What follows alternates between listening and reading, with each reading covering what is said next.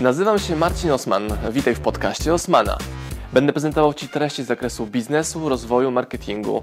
Będzie również dużo o książkach, bo jestem autorem i wydawcą. Celem mojego podcastu jest to, żebyś zdobywał praktyczną wiedzę. A zatem słuchaj i działaj. Marcin Osman. A w dzisiejszym odcinku odpowiedź na pytanie, dlaczego upadły delikatesy Alma, skoro tak dobrze się rozwijały, były rozpoznawalne, były bardzo mocną i lubianą marką e, premium. Zapraszam do materiału wideo, który będzie merytorycznie, jak zwykle. Zapraszam. Dzisiejszy dzień rozpocząłem od prasówki, artykułu, który udostępnił mój mistrz biznesu, czyli Rafał Ognieszczak. Jeśli ten link odnajdę, to wam go wkleję tutaj poniżej.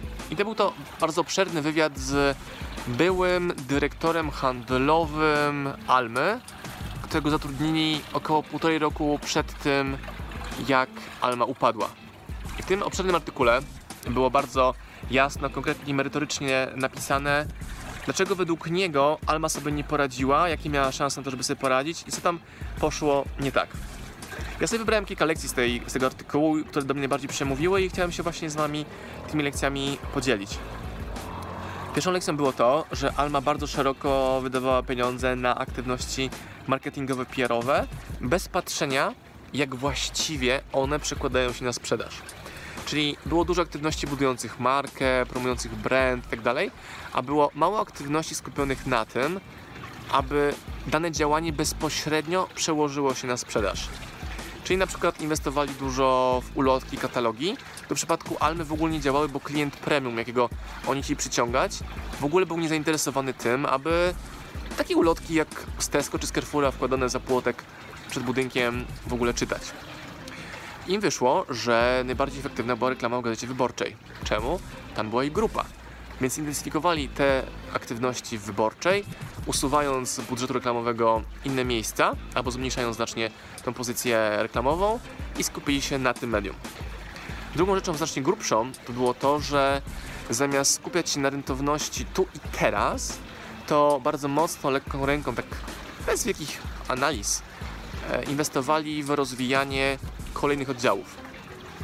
I nawet jeżeli było 10 placówek Almy, które budowały bardzo duże wyniki sprzedaży, to były również e, takie sklepy, które generowały ogromne straty.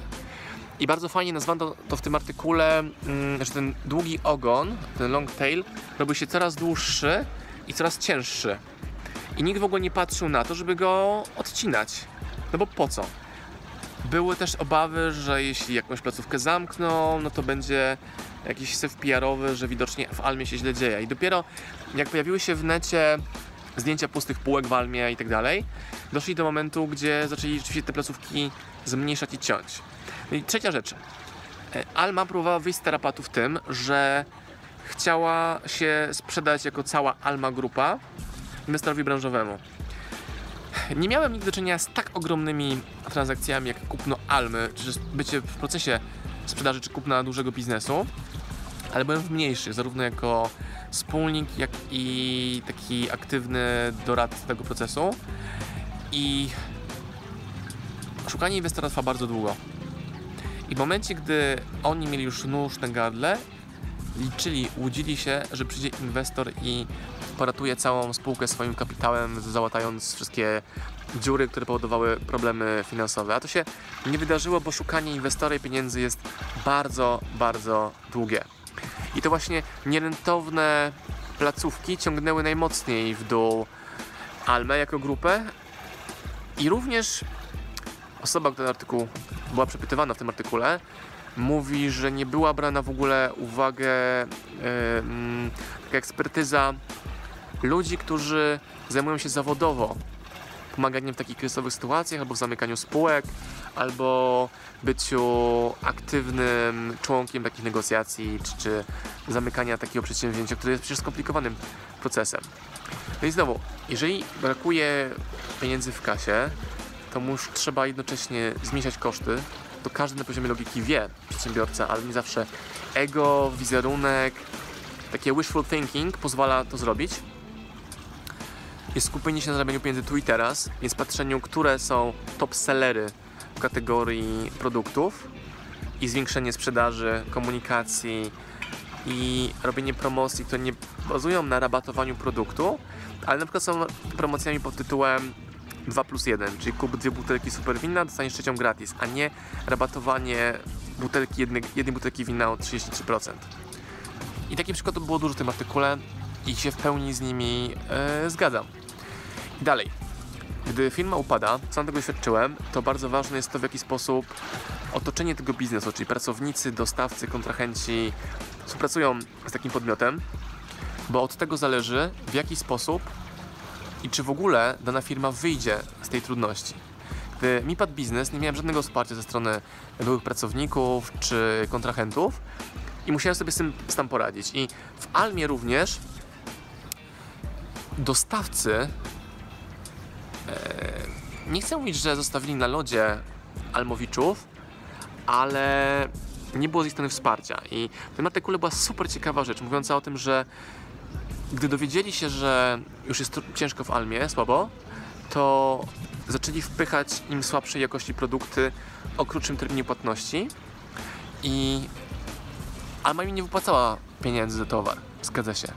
Ale w takim biznesie jak Alma, brak sprzedaży i dużej rotacji produktów na półce jest automatycznie śmiercią dla tego biznesu.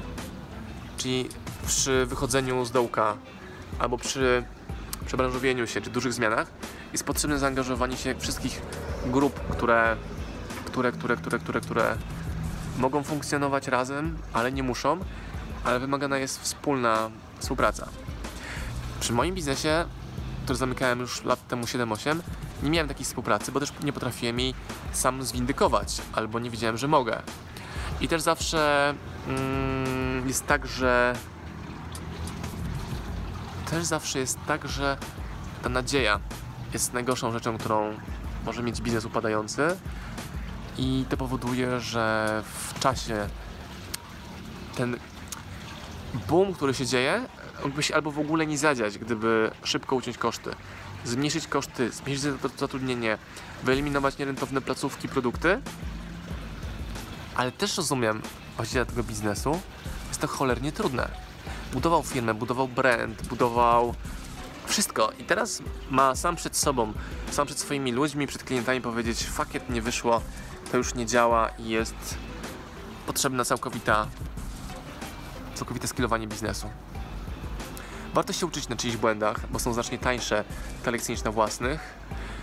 Tylko jeżeli nie masz bólu własnych doświadczeń, bo to nie zamknąłeś swojej firmy, tylko czytałeś o tym, no to te doświadczenia nie są tak częścią integralną ciebie i prawdopodobnie zapomnisz o nich, jak tylko nadarzy się okazja do tego, żeby użyć i wykorzystać mm, daną lekcję czy doświadczenie. Czy ta marka się podniesie? Takie pytanie było też w artykule zadane. Ja uważam, że nie.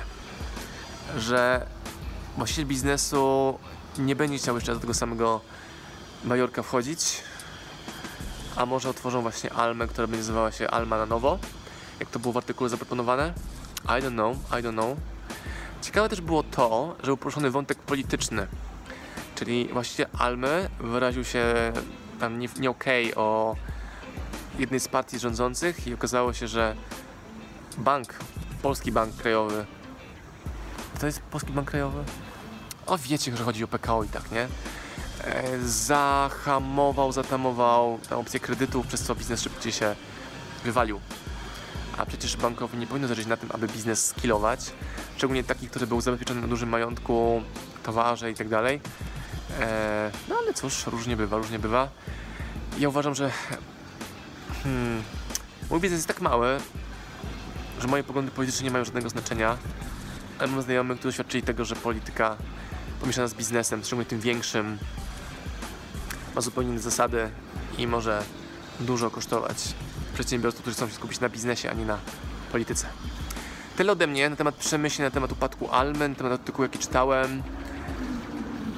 I też zauważam, że takie mądre, fajne, grube, merytoryczne artykuły, nie clickbaity, pozwalają bardzo dużo się nauczyć i sztuką jest taki artykuł właśnie znaleźć. Jeżeli masz, to się takim artykułem podziel, abyśmy mogli razem na tym się uczyć i wzrastać. Pozdrowienia, cały czas Tajlandia, cały czas baseny, piękne widoki. Proszę bardzo. Wracamy wkrótce już do PL. Fajnie, że jesteście. Fajnie, że mogę dla Was takie wideo otworzyć. Mam z tego duży fan. Pozdrawiam. Marcin Osman jeszcze z Tajlandii. Pozdrawiam Was, moi drodzy podcasterzy, słuchacze mojego podcastu.